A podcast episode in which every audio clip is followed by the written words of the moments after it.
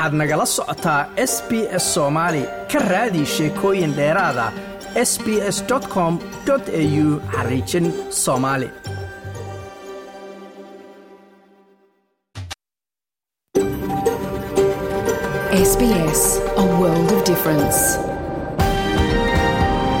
You're with SBS Somali on mobile, online, and on radio. Waxaad nagala socotaan s b s soomaali oo aad ka heli kartaan mobil online iyo rediyoga habeen wanaagsan dhammaantiin meel kastoo aad joogtaan ku soo dhowaada laanta af soomaaliga ee idaacadda s b s.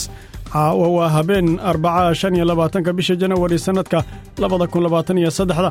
Barnaamijka caawana wuxuu idinkaga imaanayaa stuudioga magaalada melbourne waxaana idinla socodsiinaya anigoo ah maxamed madar. Waxyaabaha aad idaacadda caawa ku maqli doontaan waxaa ka mid a codka u yeedhayaa in la beddelo maalinta labaatan iyo lixda janawari ee austreeliya dhayda loo yaqaanno oo sii kordhaya. Turkiga oo jawaab adag ka bixiyey gubitaankii kitaabka qur'aanka kariimka ee swiden iyo nederlan lagu gubay. Warbixin baan idinka haynaa howlaha lagu sugayo ammaanka oo ka bilowday degmooyinka gobolka banaadir taliyaha ciidanka milatariga somalilan oo shir jaraa'id uu qabtay kaga hadlay laascaanood iyo shirweyne magaaladaasi ka dhici doona haatanse qodobada warka ugu dorka roon.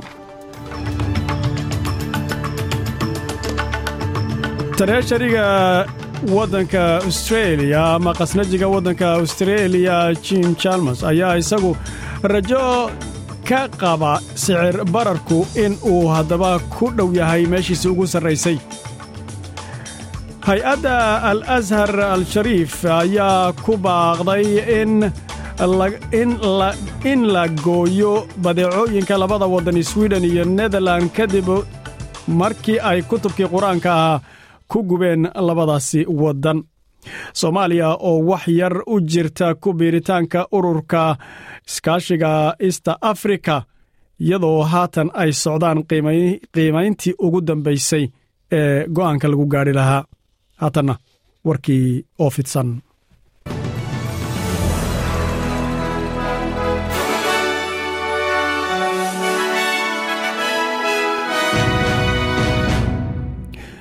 khasnajiga dowladda dhexe waddanka austreeliya jim jalmers ayaa isagu sicir bararka rajo ka muujiyey inuu haatan gaadhay meeshiisii ugu dambaysay balse yidhi weli waxaa jira arrimo aan la filaynin oo socda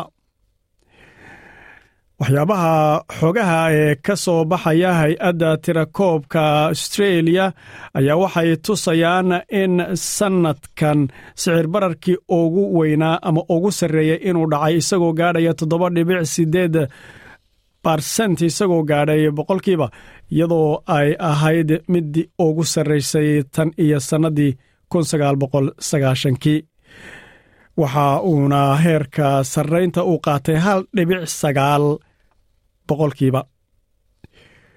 Jim chalmers ayaa isagu waxa uu yidhi waxyaabaha ugu daran ee kor u sii qaaday sicirkana waxaa ka mid a fasaxyada hoyga guryaha cusub ee la gadanayo iyo qiimaha tamarta. Isagoo hadlaya waxa uu yidhi qiyaastayada amaba waxyaabaha filitaankayagu waxa uu ahaa inaan rajaynayna inaan gaadhnay in sicir bararkani wakhtigii ugu wakhtigiisii ugu dheeraa amaba ugu sarreeyey inuu gaadhay balse weli waxaa sii soconaya sarraymo markaasi ka badan ama ka dheer intii aan filaynay ayuu yidhi. Iyadoo yidhi xitaa iyadoo buu yidhi markaasi dhinaca kaleete xataa haddii ay hoosudhaca marka uu imanayo culaysyada nagaga imanaya caalamkuna ay noqonayaan kuwa aad looga dareemo jikada guryaha austreeliya isagoo hadlaya waxa uu yidhi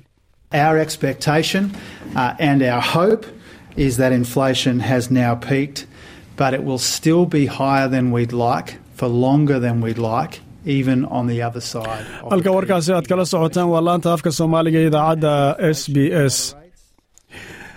Waxaa jira codad soo taraya oo dhanka dadkaan indigeneska ahayn australiyaanka lagu doonayo inay janawari labaatan iyo lixdan ay fursad u noqoto inay ka fikiraan waxa ay ka dhigan tahay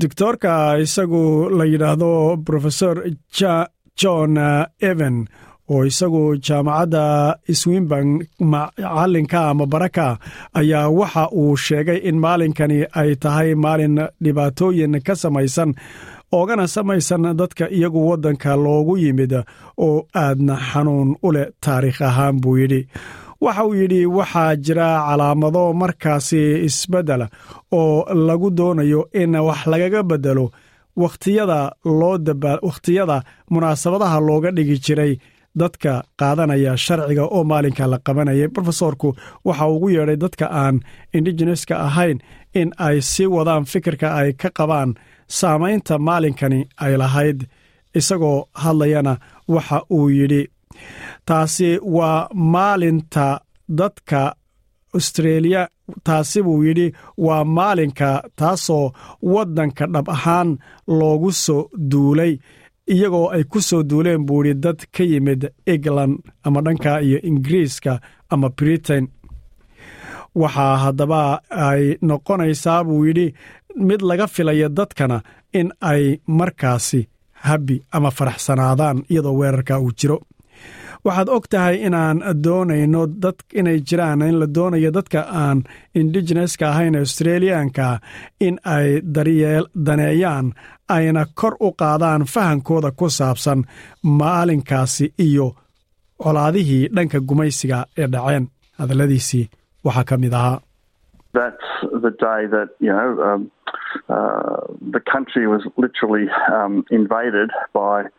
By you know people from um, uh, from England, and we're expected to to be happy about that. You know, we want non-Indigenous Australians to take an interest. halka warkaasi aad kala socotaan waa laanta afka soomaaliga ee s b s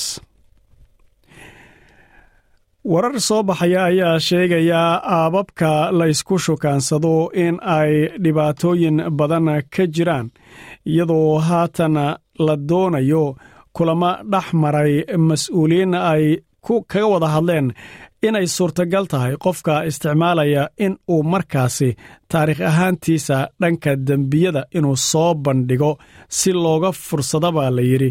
Dhibaatooyinka kufsiga amaba rabshadaha kufsiga iyo dhibaatooyinka cagajuglaynta kulan dhex maray aababkaasi hay'adaha iyagu ka shaqeeya iyo sidoo kaleete dowladda iyo iyo dowladda xubno ka socda iyo booliskaba ayaa lagaga wada hadlay arrimo aad muhiim ugu ah oo ah in dhibaatooyinkan sidii looga hortegi lahaa layska kaashado.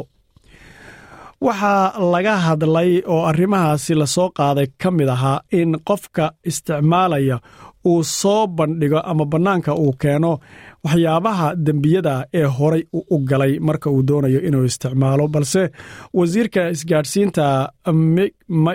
wasiirka isgaadhsiinta ayaa isagu waxa uu sheegay in arrinta haatan ay tahay mid aad u adag. Isagoo hadlaya waxa uu yidhi tallaabooyin fara badan oo xadguduba waxaa sameeyey dad iyagu aan horay rikoodh dembiyo u lahayn oo aanan wax xukunana lagu ridin. Sidaa daraaddeed wax sharciga oo arrintaa wax ka qabanayana ma uu jiro.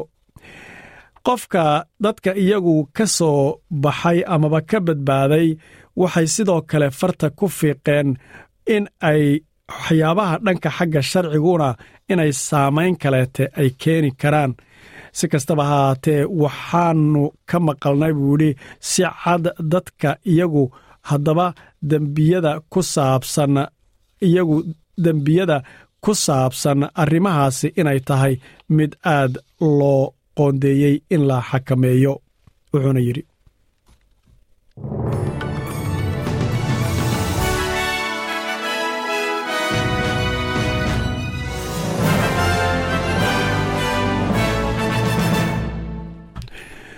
dhegaystayaal weli ma aynan dhammaynin warkii isbahaysiga bariga afrika ee australia ayaa isbahaysiga bariga afrika ayaa si rasmi ah u bilaabay hanaanka qiimaynta u qalanka waddanka soomaaliya inay u qalmaan in uu ku soo biiro isbahaysigaasi wafdi ka kooban saraakiil sarsare oo ka socda dhammaan dowladaha xubnaha ka ah ururka east africa. Iskaashigaasi ayaa hadda magaalada muqdisho ku sugan isagoo maanta arbacada shan iyo labaatanka ka bilaabay qiimaynta sida ay u buuxiso soomaaliya shuruudahaasi lagu qiimaynayo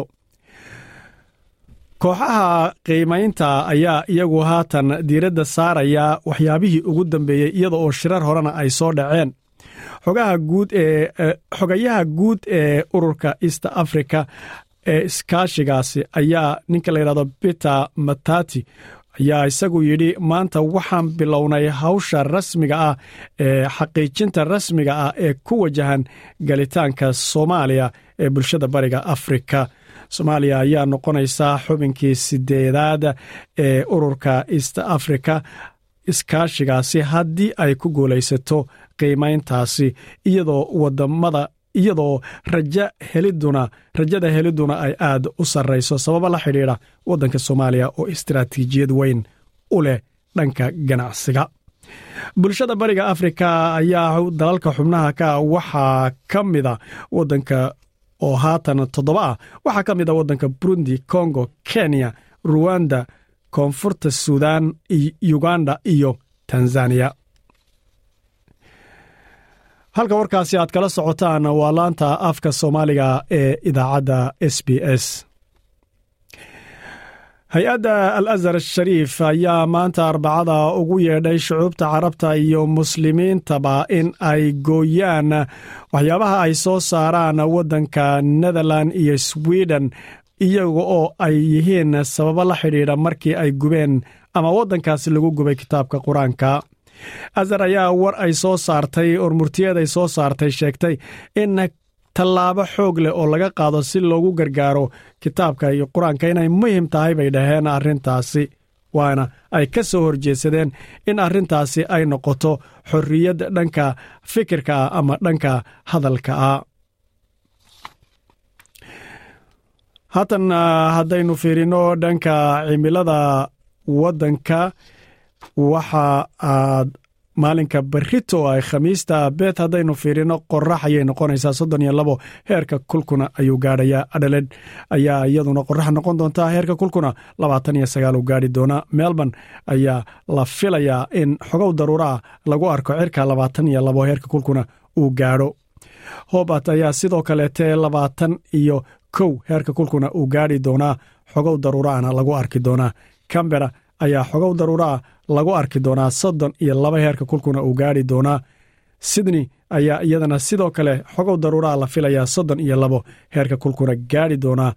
Brisbain ayaa iyaduna xogow daruuraha lagu arki doonaa soddon iyo labo heerka kulkuna uu gaadhi doonaa. Dhanka sarifka lacagaha ama lacagta dolarka australia marka loo fiiriyo dolarka wadanka maraykanka sarifkaasi waxa uu noqonayaa eber dhibic toddoba eber dhibic toddobaatan sentis oo maraykana dhanka kale haddii loo fiiriyana waxa uu noqonayaa halkii dolar ee australiyaanka hal dhibic afartan iyo kow markaasi hal dhibic afartan iyo kow waddanka australia lacagtiisa ah waxaan oo wanaagsan akhyaarta hawada nagala xidhiidhay barnaamijkeenna bilowgiisa inagu haatan ku jirna. Waxaa noo soo socdaa sida aad la socotaan turkiga oo jawaabo adag ka bixiyey gubitaankii kitaabka qur'aanka kariimka ahaa. Isagoo sidoo kaleetana aad maqli doontaan howlgallo lagu sugayo ammaanka oo ka bilowday muqdisho sidoo kale taliyaha ciidanka militariga ee somalilan oo shir jaraa'id qabtay ayaa ka hadlay xaaladda laascaanood iyo shirweyne magaaladaas inuu ka dhaca lagu wado. Haatan waxaad ku soo dhowaataan brograamyadeenna bilowgooda. Codadka u yeedhaya in la bedelo maalinta labaatan iyo lixda janawari oo austraaliya dayda ah oo sii kordhaya. Khamiista ayaa waxa ay tahay maalinta austraaliya dheyda loo yaqaano ee loo dabaaldego waddanka australia. Balse maalinkaasi waa maalin dadka waddanka loogu yimid ay iyaguna ay u arkaan maalinkii lagu soo duulay inay tahay. Dhawaaqyadaa haddaba in maalinkaa la bedelo ayaa sii kordhaya. Warbixinaan arrintaa ka diyaarinay. Dhegaysi wacan labaatan iyo lixda janawari waa maalin aad ugu adag in badan oo dadka indigeneska ama dadka waddanka loogu yimida asalka. Waxay xusuusinaysaa iyaga maalmihii rabshada iyo maalmihii burburka loo geystay dhaqankooda. Dadka qaarkii australia dheyda maalinka la dabaaldega ee lix iyo labaatanka waa maalin iyadu dabaaldeg ama damaashaad in badan oo dadka astreeliyaanka ka mid a austraaliya dheyda waa maalinka ay heleen sharcigooda waana maalinka la qabto dabaaldegyo fara badan oo sharcisiinta ah. Dadka indigeneska ayaa iyagu inta badan waxa ay eegaan sababta loo fahmi la'yahay in ay iyagu maalinkan ka soo horjeedaan amaba ay dhibsanayaan. Waxa ayna danaynayaan in la fahmo dadkaasi dhaqankooda iyo waxyaabaha asalka u ah marka ay maalinkan diidayaan. Gavin somers oo isagu ah nin abrujinala oo isagu heesa iyo heesa qoraaba ah waxa uu leeyahay waxaa muhiima dadku inay saaxiibba la noqdaan dadka waddanka loogu yimid gaar ahaan dadka iyagu astreeliyaanka ee meelaha kale ka yimid oo suurtagal ay u tahay inay faham dhaba ka helaan taariikhdayada iyo halgankayaga isagoo hadlayana waxa uu yidhi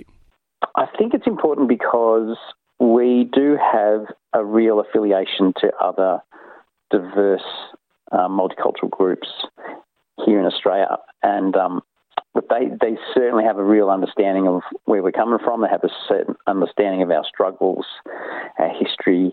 Um, and you know, in many cases, we have a real shared history. waxaan u malaynayaa inay muhiim tahay sababtoo ah waxaan xiriir dhab ah la leenahay kooxaha dhaqamada kala duwan ee halkan austraeliya jooga waxaana hubaala inay leeyihiin faham dhaba oo ku saabsan halka aan ka nimid faham gaara halgankayaga taariikhdayada iyo xaalado badan taariikh ayaan la wadaagnaa kooxaha dhaqamada kala duwan si ay u helaan halka aan ka nimid. Sidaas darteed waxaan qabaa in la helo iyaga oo isbahaysi noo ah in ay tahay mid aad u caawinaysa annaga iyo qadiyadannada. Balse haysashada saaxiibbo kasta sidoo kaleete waa muhiim. Waxaan rumaysnahay buu yidhi sida aad og tihiin dhankayaga ahaanshahayaga dadka waddanka loogu yimid taasi waa waxa dadku ay u baahan yihiin inay ogaadaan inaan nahay dadkii astreeliya ugu horreeyey aana makaan iyo maqaam udub dhaxaadana ku leenahay astreeliya ayuu yidhi ninka la yidhaahdo gavin somers. Dhankeeda kansala anglika banobolos waa waa guddoomiyaha golaha magaalada maryback waxay aragtaa dhinacyo fara badan oo la wadaago dhanka taariikhda dadka asalka waddanka loogu yimid ee halkan dega inay waxay aragtaa in wax badan ay wadaagaan dadka halkan loogu yimid iyo dadka iyagu muhaajiriinta ee waddanka yimid. Iyadoo hadlaysana waxay tiri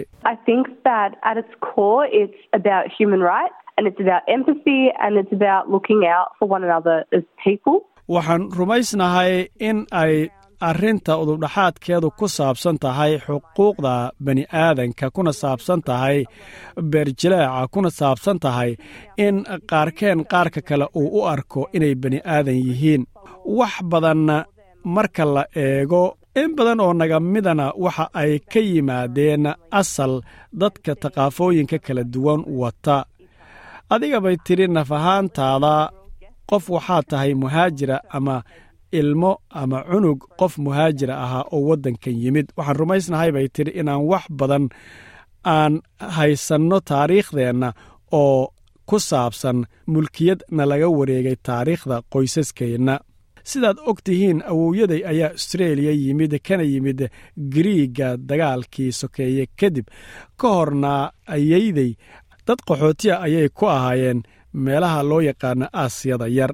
Sidaa daraaddeed in badan oo annaga naga mida waxa arrintu ay ku saabsan tahay in taariikhda qoysyadeenna aynu eegno aynuna aragno in aan haysanno wax badan oo qaarkeen qaarka kale uu la wadaago. Gabagabadaas sida aad og tahay dhammaantayo marti ayaan waddankan ku nahay. Waddankanna waxaa iska leh dadka asalka ahee indigeneska ee loogu yimid oo uu waddankooda ahaa wax ka badan lixdan kun oo sano markii loo yimid. Bulshadu inay sidan u kala bedelnaato oo u kala dhaqan bedelnaato waxa ay tahay arrin wanaagyo fara badan leh.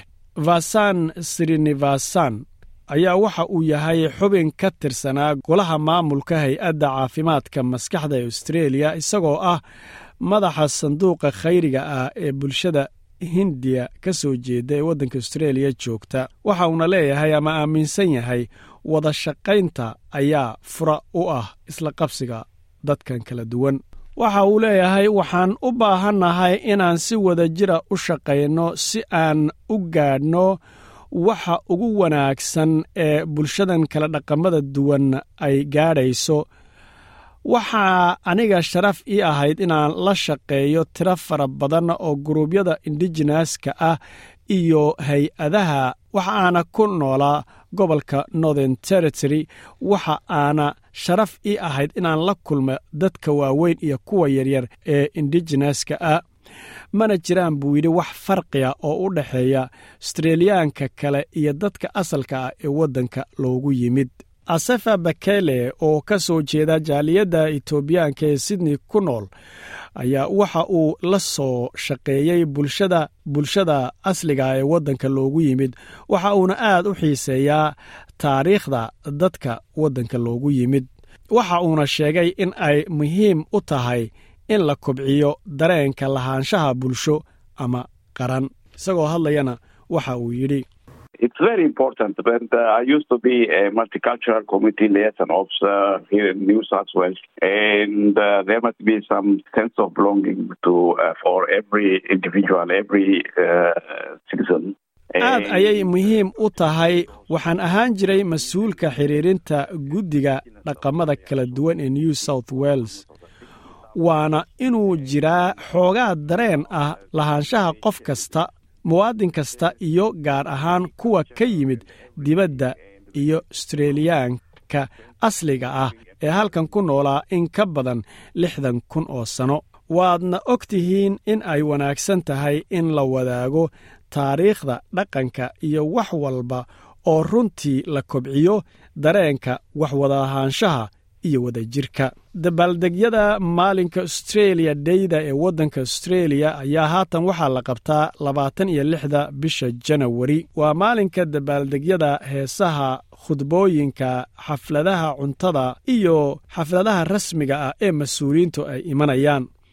Laakiinse arrintu weligeed sidaa ma aynan ahayn oo maalinka lix iyo labaatanka ohuun lama dabaaldegi jirin. Dabaaldegyada maalinka austreeliya dhowr mar ayay isbeddeshay waxaana la dabaaldegay maalinkaasi maalmo kala duwan iyo bilo kala duwan oo gobollo kala duwanna oo austreeliya lagu dabaaldegay.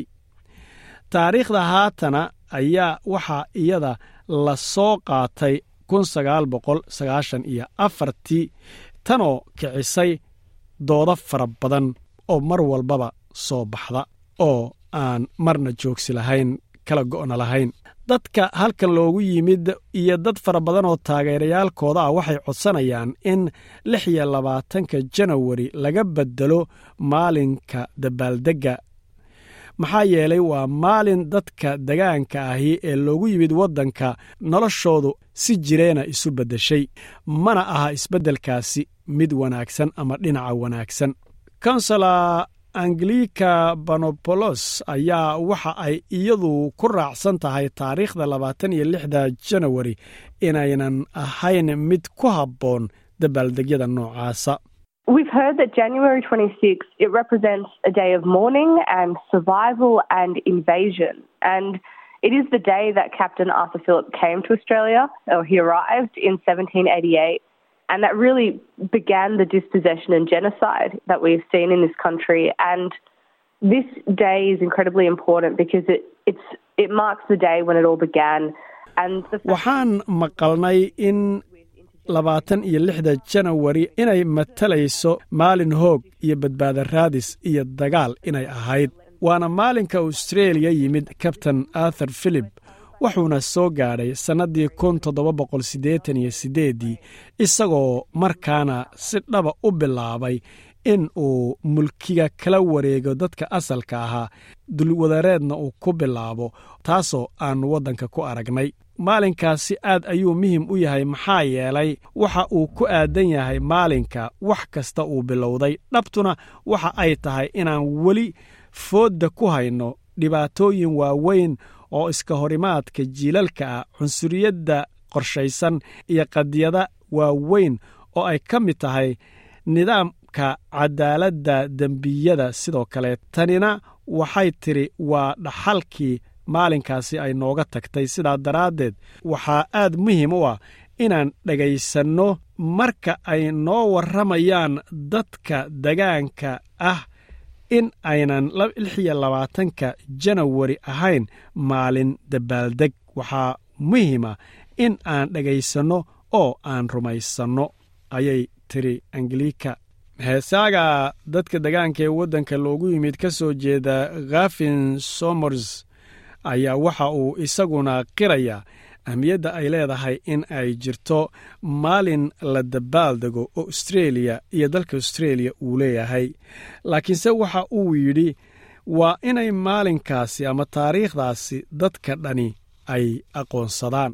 Dhankiisa krij rigni oo ah c e o-ga k w y aboriginal corporation waxa uu leeyahay su'aasha wakhtiga dabaaldegyadaasi la qabanayo inta badan buu yidhi australiyaanka waa ay kala qaybisaa balse isagu rajo badan ayuu muujinayaa. Su'aashu waxa ay tahay yaa go'aan ka gaadhaya in la beddelayo taariikhdan iyo in kaleete. Faasaan sarini faasaan ayaa isagu waxa uu la soo shaqeeyey tiro badan oo kooxaha dadka waddanka loogu yimida. Waxa uuna arkaa in mustaqbalka jiilasha soo socda ay yihiin kuwa iyagu go'aamin doona in la bedelayo iyo inaan la bedelaynin. Isagoo hadlayana waxa uu yidhi. Uh, no, this is there's quite a lot of debate going on in relation to 26 January. Uh, aragtidayda fiirinta arrintaasi waxaa jira buu yidhi wax badan oo dooda ah oo socda iyo xoga ah oo ku saabsan lix iyo labaatanka janawari aragtidayda waxaa waajiba in jiilka soo socda ay cod ku yeeshaan arrintaasi. Wax kasta oo ay fadilayaan kuwa iyagu sannadahoodu ay u dhexeeyaan lix iyo toban iyo soddon jir waxa ay xukumi doonaan ummadda mustaqbalka. Haddii ay rumaysan yihiin inay waajib tahay in halkaa laga beddelo maalinkaasi in la beddelo anigu waxa aan diyaar u ahay in aan gacan siiyo ayuu yidhi faasaan sirini faasaan intaasna akhyaarta hawada nagala xidhiidhay waxaa noogu dhammaaday barnaamijka ku saabsan maalinta australia dayda oo labaatan iyo lixda janawari oo khamiista ah oo ay doodaasi ka jirto muddana ay socoto. Haatanna qadar yar oo haysiisa waxaanoo wanaagsan akhyaarta hawada nagala xidhiidhay inagoo barnaamijkeena dhexda kaga jirna. Waxaa noo soo socdaa howlgallo lagu sugayo ammaanka magaalada muqdisho oo bilowday warbixin ayaa noo soo socota. Sidoo kaleete taliyaha ciidanka milatariga somalilan oo isaguna shir jaraa'id oo qabtay kaga hadlay magaalada laascaanood iyo shirweyne lagu qaban rabo. Haatan akhyaarta hawada nagala xidhiidhay maalmahan waxaa socday oo aad jawaabo looga bixiyey xadgudubyo ku saabsan dadka markaasi iyagu gubay kitaabka qur'aanka kariimka ah oo ka dhacay labada waddan sweden iyo sidoo kale netherland ama waddanka holland. Labadaasi dhacdo ayaa saameyn badan keentay iyada oo ay dhinacyada caalamka islaamka ka tirsanna ay jawaabo ka bixiyeen waxaa ka mid ah waddamadaasi jawaabahaasi ka bixiyey ee daleeceeyey waddanka qatar sacuudiga imaaraadka masar jordan falastiin iyo mauritaniya iyo sidoo kale turkiga oo aad uga hadashay. Haatan warbixin aan ka diyaarinay si gaara dhacdadii ka dhacday sweden ayaad ku soo dhowaanaysaan oo ka hadlaysa sida ay turkigu sida adag ay falcelinta uga bixiyeen dhegaysi wacan warbixinta. Bannaanbaxay sameeyeen xisbiga shaqaalaha kurdistaan iyo sidoo kaleete taageerayaal gacan siinayay ayaa ku hor bannaanbaxay safaaradda waddanka turkiga ku taalla waddanka sweden magaalada stockholm.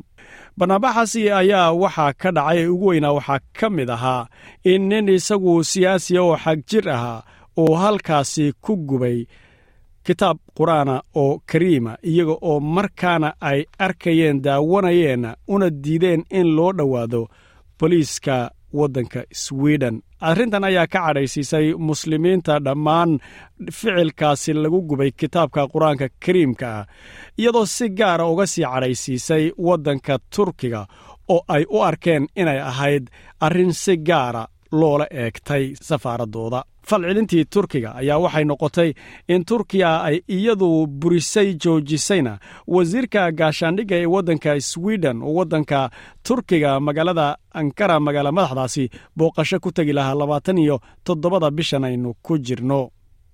Taasoo ay kaga cadhoodeen kuna istaajiyeen booqashadaasi sababa la xidhiidha. Arrintaas oo aynan u bogin.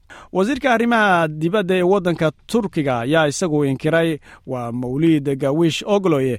Waddanka sweden ogolaansho ay u ogolaadeen hogaamiyaha mayalka adag ee waddanka denmark ee xagjirka ah ee ramos balodan la yidhaahdo gubitaanka haddaba uu gubay kitaabka qur'aanka kariimka ah oo uu ku gubay caasimadda stockholm goobta ay ku taallo safaaradda waddanka turkiga horteeda isagoo sheegay in dembiyada noocaas oo kale ah aynan ahayn wax soo dhexgali kara xayndaabka xorriyatulqowlka oglo waxa uu sheegay uma oggolaanayaan ayuu yidhi in diin kale kutubtooda la gubo laakiin markay ku saabsanaato arrintu qur'aanka kariimka iyo lacollaytanka islaamka waxa ay ku marmarsoonayaan ayuu yidhi xorriyadda fikirka iyo odhaahda wasiirka turkiga ayaa isagu caddeeyey in dembiyada karaahiyada iyo cunsuriyaddu aynan soo dhexgeli karin xayndaabka xorriyadda fikirka iyo xorriyadda qowlka. Amaba taasi ha waafaqsanaata buu yidhi qawaaniinta waddanka sweden ama go'aamada golaha yurub amaba maxkamadda yurub ee xuquuqda insaanka haba ahaatee buu yidhi. Wuxuuna sheegay waddanka turkigu inay tallaabooyin deg dega ka qaadan doonaan falakan sweden ay ku dhaqaaqday oglo ayaa waxa uu sheegay in wasaaradda arrimaha dibadda ee turkigu ay u yeedhay safiirka waddanka sweden ee ankara jooga uguna yeedhay xarunta wasaaradda arrimaha dibadda halkaasna dignino lagama maarmaana ay u jeedisay oo u marisay markaasna safiirka iyadoo ku aadinaysa waddanka sweden iyadoo caddaysay in safiirka turkigu lafahaantiisu ee stockholm ku sugan in uu si toosa wasiirka arrimaha dibadda ee waddanka sweden oo la sheekaystay arrintaana kala hadlay. Wuxuuna caddeeyey raje inuu ka qabo in dowladda waddanka sweden ay qaadato tallaabooyinka loo baahan yahay wakhtiyadan oo kaleete lagana hortago inay dhacaan howlo iyo dhaqdhaqaaq iyo ficilla cunsuriyad iyo dembiyada karaahiyadda ku saabsan oo keeni kara in caalamka dhammaantii ay ka cadhaysiiyaan dhankiisa madaxweynaha waddanka turkiya rajab tayib erdogan ayaa isagu maalinkii isniinta ahayd waxa uu sheegay in sweden ay waajib ku tahay inayna ka filanin inay taageera ka hesho turkiya arrimaha ku saabsan ka mid noqoshada xubinnimada isbahaysiga amaba xulufada nato oo ay u suxulduubayso waddanka sweden. Kadib buu yidhi markii ay safaaradda waddanka turkiga bannaanbaxyo ay ka dhaceen stockholm ku sugan oo aynan waxbana ka qabanin halkaana lagu gubay kitaabka qur'aanka kariimka. Erdogan ayaa waxa uu hadal uu ka tabiyey kulan xukuumaddu ay isugu timid. Waxa uu ku sheegay isagoo dhahaya haddii ayna ictiraamaynin caqiidooyinka diiniga ee turkiya iyo muslimiinta ha naga sugina ayuu yidhi taageero ku saabsan xubinnimadiinna nato aad ku doonaysaan. Turkiya ayaa waxaa ka cadhaysiisay oggolaanshaha ninka xagjirka ah ee denmark u dhashay ee waddanka sweden markaasi ku sugna ayaa waxa ay ka cadhaysiisay in maalintii sabtideena dhaafay uu ku hor bannaanbaxo amaba uu ku horgubo kitaabka qur'aanka kariimka ah. Erdogan oo hadlaya waxa uu yidhi Ülkemizin büyükelçiliği önünde böyle bir kepazeliğin yaşanmasına sebebiyet verenlerin It is very obvious that with the Swedish government allowing such blasphemy in front of our embassy in Stockholm, it can no longer expect our support for their NATO membership. Swedish waa government wax iska cad in iyada oo dowladda sweden ay oggolaatay aflagaadada noocaasa ee ka dhacday safaaraddayada stockholm horteeda ma filan kartaan ayuu yidhi taageeradayada xubinnimadiinna nato dowladda sweden uma baahno inay noo sheegto xuquuqda iyo xorriyadaha ayuu yidhi erdogan. Haddii aad runtii ixtiraamto xuquuqda iyo xorriyadaha marka hore waxaad u baahan tahay inaad ixtiraamto jamhuuriyadda turkiga ama diinta muslimka inaad ixtiraamto. Haddii aad ixtiraami weydo waan ka xumahay ma arki doontid wax taageero ah oo naga yimaada arrinta xubinnimada nato markay noqoto. Waa hadalkii madaxweyne erdogan. Dhinaca kaleete bannaanbaxyo fara badan oo goobo kala duwan oo ka dhacay caalamka islaamka ayaa dhanka waddanka ciraaq magaalada bakhdad ayaa dad bannaanbaxayay ay ku hor bannaanbaxeen safaaradda sweden maxamed kamaal ayaa ka mid ahaa dadkaasi bannaanbaxayay wuxuuna yidhi Today, the masses came out peacefully in front of the Swedish embassy in Baghdad, and we tell them that there will be more escalation to come if the embassy does not apologize to all the Iraqi people. maanta dadweynuhu waxay si nabada isugu soo baxeen afaafka hore ee safaaradda sweden ee bakhdad waxaana u sheegaynaa in arrintu ay sii xumaani doonto haddii aanay safaaraddu raalligelin siinin dhammaan dadka ciraaq ayuu yidhi. Dhinaca kaleete jabhadda camalka islaamiga ahaa oo ah xisbi siyaasi oo islaami oo waddankaasi jordan ka jira ayaa waxa uu hogaamiyaha jabhaddaasi oo muraad al cadayla la yidhaahdo waxa uu soo qabanqaabiyey bannaanbax lagu hor bannaanbaxay safaaradda sweden ee ku taala waddankaasi waxa uuna yidhi isagoo hadlaya. This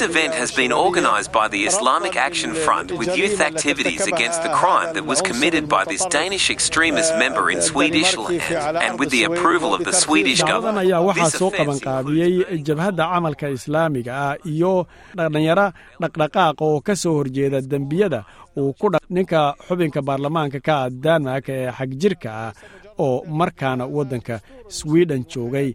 Xukuumadda swedenna aynan waxba ka qabanin. Dembiyadan ayaa waxaa ka mid ahaa kitaabka qur'aanka oo la gubay oo isagu ah kan ugu muhiimsan ooguna muqadasan islaamka xaggiisa marka la yidhaahdo. Qur'aankani ma aha buu yidhi keliya kitaab waa dastuurka muslimiinta ayuu yidhi iyo noloshooda dhinaca waddanka yeman wasiirka arrimaha warfaafinta ee xuutiyiinta dayfullah ashaami ayaa isagu sheegay inay jiraan dagaal jireena oo wuxuu yidhi muslimiinta dadka cadowga u ahu mar walba ay wadaan.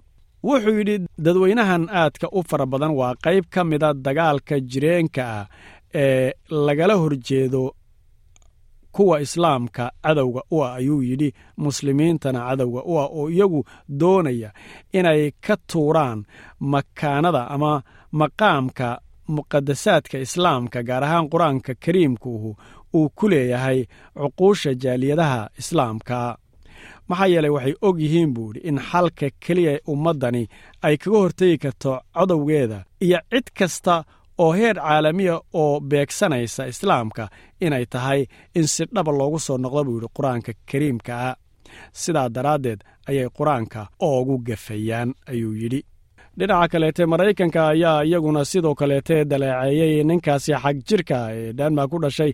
Oo isagu sidoo kaleete waddanka sweden jinsiyad ka haysta ee gubay kitaabkaasi qur'aanka kariimka kuna gubay safaaradda waddanka turkiga goobta ay ku taalla ee stockholm kaga taallo iyagoo afhayeenka wasaaradda arrimaha dibadda ee maraykanka need bras isagu isniintii shir jaraa'ida u qabtay waxa uu sheegay gubitaanka kutub lagu tiriya buu yidhi in dad badan ay agtooda muqadas ka tahay waa camal aad u xun buu yidhi. Wuxuuna ku tilmaamay arrintaas inay tahay ficil isagu aad u xun oo aad loo karaahaysto aadna weliba loo xumaysto. Wuxuu intaa ku daray gubitaanka buu yidhi kitaabkaasi waa camal qof uu sameeyey. Ujeeddadiisuna waxaan u malaynayaa buu yidhi inay tahay in daandaansi uu ku doonayey isagoo sheegay in laga yaabo ujeeddadu inay ahayd inuu saamayn u geysto. Wadaxaajoodka haatan loo wado in sweden iyo finland ay kaga mid noqdaan isbahaysiga naato waxuu kaloo intaa ku daray afhayeenka wasaaradda arrimaha dibadda ee maraykanka ned bras waxa uu yidhi gubitaanka haddaba kitaabkaasi qur'aanka ah waxaa laga yaaba ujeeddadu inay ahayd laba saaxiib in aad loogu kala fogeeyo oo ah sweden iyo turkiga. Sweden iyo waddanka finland ayaa waxa ay u suxuduubayaan inay nato ka mid noqdaan balse waxaa loo baahan yahay in xubnaha nato oo dhan oo iyagu soddona inay kulligood wada aqbalaan waxaana ka mid a xubnahaasi waddanka turkiga. Waddanka turkiga ayaa waxaa wadaxaajood u socday isaga iyo labada waddan ee sweden iyo finland oo ay ka wada xaajoonayeen arrimo iyagu markaasi ay isku khilaafsanaayeen oo ujeeddaduna ay ahayd in xubinnimada labada waddan nato loo ogolaado. Si lagu qanciyo marka waddanka turkiga waxa ay ahayd in la isla meel dhigo arrimo markaasi iyagu mar hore laga wada hadlay turkiya ayaa labada waddan waxa ay ka dalbatay inay ka wada shaqeeyaan dhowr arrimood oo amaba dhowr malaf ku saabsan si markaa xubinnimadooda ay u helaan.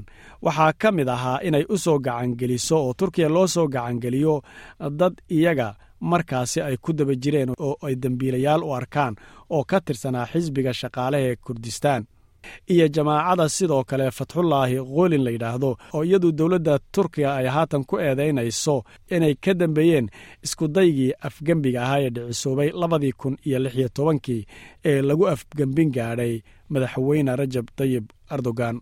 Hoosdhac weyn ayaa arrimahaasi ku yimid maadaama dhacdadani ay taabatay waddanka turkiga si gaarana safaaradooda hortooda ay ka dhacday mudaharaadkani ayna u muuqatay mid si gaara iyaga loola jeeday.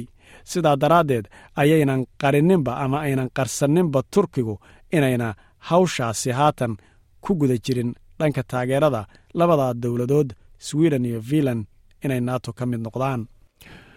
Intaasna akhyaarta hawada nagala xidhiidhay. Waxaa noogu dhammaaday warbixintii turkiga oo falcelin adag ka sameeyey sweden markii kitaabka qur'aanka lagu gubay oo nin xag jira uu ku gubay goob safaaradda turkiga horteeda ah. Waxaana ka dambeeyey dhacdadaasi iyadana nin kaloo xag jira oo isaguna waddanka netherland ama holland kitaabkaasi qur'aanka kariimka isaguna ku gubay iyadoo caalamka islaamka ay haatan daleecayn fara badan ay ka soo baxayso ficilkaasi ay ku dhaqaaqeen dadkaasi xag jirka ah laguna eedaynaya waddamadaasi inayna weli tallaabooyin ay ku qancaan dhinacyadaasi aynan samaynin.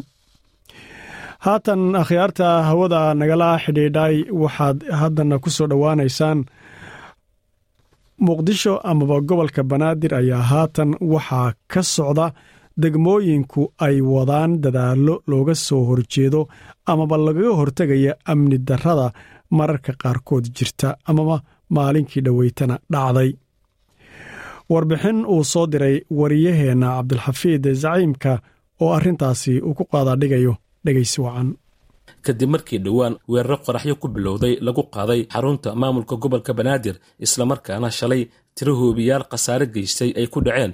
Degmooyin ka tirsan gobolka banaadir ayay maamulada degmooyinka iyo ciidamada ammaanka gobolku waxay bilaabeen howlgallo ay sheegeen in amniga lagu xaqiijinayo kaasoo loogu magacdiray qof iyo guri howlgalkan oo wejigiisii koowaad xalay laga fuliyey degmada xamarweyne ayaa waxaa lagu soo qabqabtay dhallinyaro badan kuwa oo la sheegay in baaritaano lagu sameeyey waxaana howlgalkaasi horkacayay hay'adaha ammaanka sida biliiska iyo nabad sugidda gobolka guddoomiyaasha degmooyinka ku yaalla bartamaha caasimadda ee xamarweyne warta nabadda boondheere cabdulcasiis iyo shingaani waxaana sidoo kale howlgalka lagu soo qabqabtay waxyaabaha maanka dooriya guddoomiyaha degmada xamarweyne oo iskuul ku yaalla degmadiisii uu ku soo dhacay. Mid ka mid a hoobiyaashaasi shalay ku soo dhacay qaybo ka mid ah gobolka banaadir ayaa ugu horreyntii waxa uu ka hadlay howlgalka degmadiisii iyo khasaaraha ka dhashay hoobiyaashii shalay ku soo dhacay. Mid ka mid a degmadaasi waxaan sameynay howlgal howlgalkaasoo loogu magac daray qof iyo guri.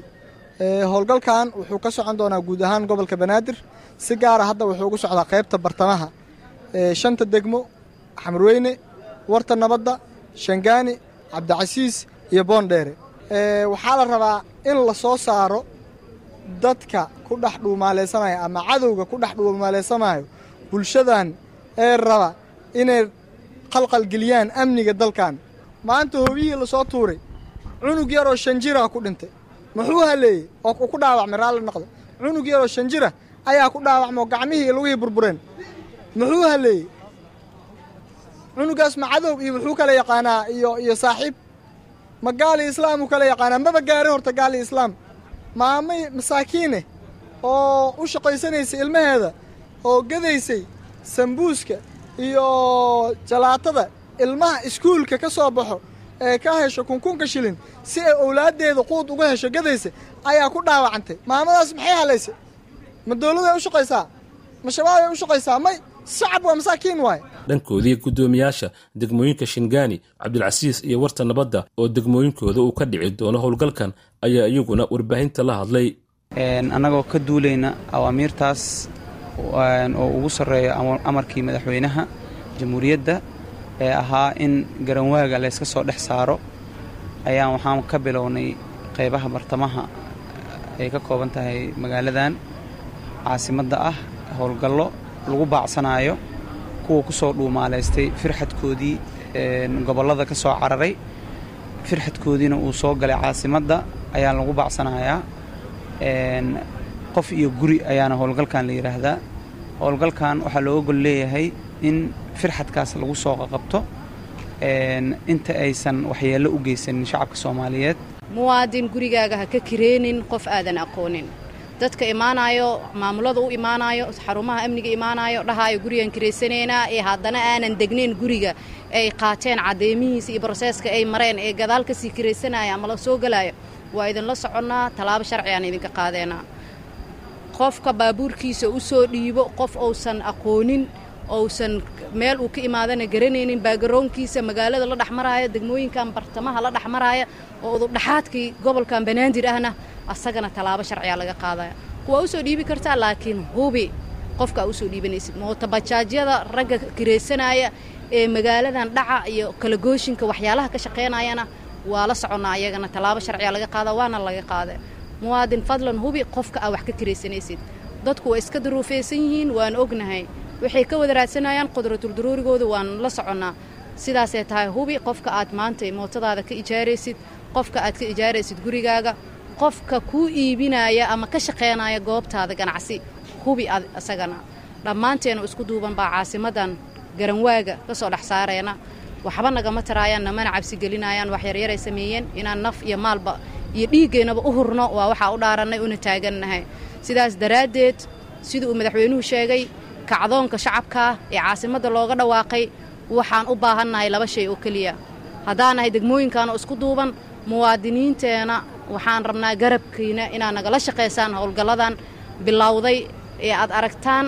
Waxaa jiri doona kuwo badan oo aadan ka arki doonina meediyaha. Muhiimadda ugu weyn waxay tahay howlgalkan caawa socdo waxaa laga jawaabayaa bambixii uu maxay ahto madaxweynuhu uu iftiimiyey oo uuna ku dhawaaqay in la iska soo saaro garanwaaga waa u jeedaan caawa waxaa la isu keenay dhallinyaro aad u badan iyadoo maxay ahayd toole laga shaqaynaya in garanwaagii la ogaado meesha uu ku nool yahay iyo micnihiisa bulshadana la baro. Waa mahadsantihiin.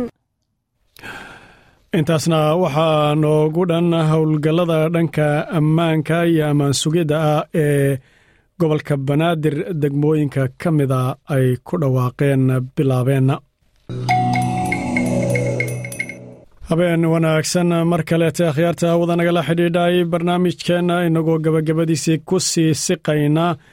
Waxaad ku soo dhowaataan haatanna taliyaha ciidanka milatariga ee somalilan oo shir jaraa'id shir jaraa'id uu qabtay kaga hadlay laascaanood magaaladaasi beryihii dhoweyto ay dhibaatooyinku ka dhici jireen iyo shirweyne magaalada laascaanood ka dhici doona oo isagana uu ka hadlay dhegaysi wacan warbixin uu noo soo diray waryaheenna cabdilxafiid zaciimka iyo warbixintiisa. Kusoo dhowow taliyaha ciidanka militariga somalilan jenaraal nuux ismaaciil taani oo ay garab fadhiyeen saraakiil kale ayaa shir jaraa'id oo uu qabtay. Waxa uu kaga hadlay xaaladda magaalada laascaano iyo shirweynaha la filayo in dhowaan magaaladaasi lagu qabto taliyaha ayaa ugu horreyntii waxa uu sharaxay ujeeddada shirkiisii jaraa'id isagoona xusay in nabadgelyada guud ee magaalada laascaano ay gacanta ku hayaan ciidanka somalilan islamarkaana ciidanku ay mas'uul ka yihiin. Sugidda ammaanka shirweynaha la filayo in halkaasi uu ka furmo. Waxaan shirkan jaraa'id u qabannay. Saraakiisha halkan ay u qabteen saraakiisha halkan joogta. Oo ka kooban jananada iyo korneylada ciidamada qaranka iyo booliiska guud ahaan. Inaan halkan ka caddayno in nabadgelyada guud ee ciid magaalada laascaanood ay gacanta ugu jirto ciidamada qaranka jamhuuriyadda somalilan waa kow baabuurta garaadada soo dhaweynaysay waxay ahaayeen baabuurtii ciidanka qaranka. Waxaan sidaa u yeelnayna waxay ahayd inay gaadiid cadow nagu ihi aanay soo gelin gobolka. Marka hadalka muhmalka ee la sheegsheegayo waxa weeye oo dadka mubdi ka galay gaadiidkaas garaadada soo dhaweynaya waa gaadiidkii ciidanka qaranka ee ma ahayn gaadiid meel kale ka yimid. Horta taa dadku inay ogaadaan baan doonaynaa shirweynaha dhaqanka ee gobolka ka dhici doona ciidamada nabad cidda nabadgelyadooda sugaysaa waa ciidamada qaranka jamhuuriyadda somalilan ee gobolkan ku sugan taliya nuuxtaani waxa uu xusay in ciidanka somalilan ay u xil saaran yihiin sugidda ammaanka guud ee somalilan xadka iyo midka gudaha. Sidaa darteed aanay dheg jalaq u siinaynin waxa socda ayna waajibkooda gudanayaan. Hadallada diilqaafka ah ee meelaha laga leeyahay ciidanka qaranku dhig uma dhigi doono. Waxaanay wadan doonaan ciidanka qaranku hawshay u xil saaraayeen. Oo ahaa nabadgelyada qadarka hadday xad ka tahay iyo haddii ka walba iyo gudahaba inay ilaaliyaan. Hawshaydii siday ahayd baan u soconnaa hadallada aan habboonayn lagu hadlayna dhigta anagu dheg u dhigi mayno. Dadweynaha reer soolla waxaan leenahay nabadgelyada idigaa ku nool. Qof walba wuu baahan yahay. Nabadda dhulkiina ilaashada. Oo ilaaliya. Ciidamada ku jira magaaladana gacan ku siiya. Waayo nabaddu waa rag ogashii amniguna waa muhiim. Diinteenna ay noonaysaa oo noogu horreysana alamnu waaliimaan haddaan amni jirin salaada tukan maayo. Meheradi socon mayso. Qofku nabad ku seexan maayo habeenkii gurigiisa. Markaas intaasiba isagu dhacdo. Waxaa ugu horreeya waa nabadda ugu dambayntii taliyaha ciidanka militariga somalilan jenaraal nuux taani waxa uu sharaxay sababta ay ciidamada somalilan u soo galeen gudaha laascaano isagoona ka tacsiiyeyey dadkii ku waxyeeloobay shaqaaqadii dhacday. Waana ogtihiin waxa ku soo badanaya khamri iyo wax la mida magaalada. Waxaase markay ku soo badnaanaan nabadgelyada khalkhal bay geliyaan. Nabadgelyadiina ilaashada ayaan dadku leehay waanaan idiga tacsiirinaynaa maalin intii hawshu socotay waxoogaagii khalkhalka dhimashadii dhacday iyo dhaawiciinba dadweynaha waan taxsiibaan u diranaa ciidamadu dee magaalada waxay u soo galaan nabadgelyada inay ilaaliyaan. Markii horeba bannaankay ka joogeen umay soo gelin wax kale laakiin nabadgelyadiina inay ilaaliyaan bay u soo galeen. Marka hawshaa lagu jirana dee khalad dhacayaa mid askarta wax ku tuura iyo mid iyo mid isaga lagu tuuraba khaladku u dhacaya laakiin khaladkaa dhacaya waxa weeyaan mid lagu sugayo uun nabadgelyadii mid wax kaloo looga jeedo ma ahayn hadduu dhacay. Marka waxa weeyaan taana waan diga taxsiidanayaa ilaahay samiriya imaan allah inaga siiyo cid kasta ehelk ehelkoogii iyo ummadda reer somaliland ee uu ka baxayba.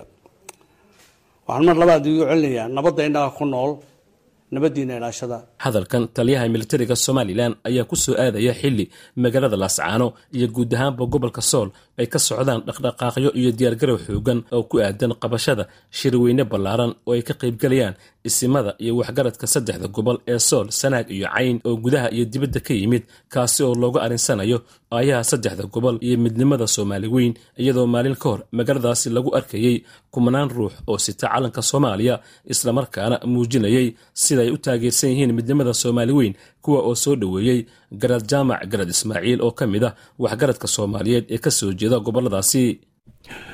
Akhyaarta na dhegaysanaysay intaasi waxaa noogu dhan barnaamijkeenii aynu hawada kaga wada soconnay muddo hal saaca caawo oo ah habeen arbaca oo shan iyo labaatanka bisha janawari intaan mid kaleta ku kulmaynana waa anigoo inagaga tegaya anigoo maxamed madar oo ina leh sidaas iyo nabadgelya halkani. Waa laanta af soomaaliga ee idaacadda s b s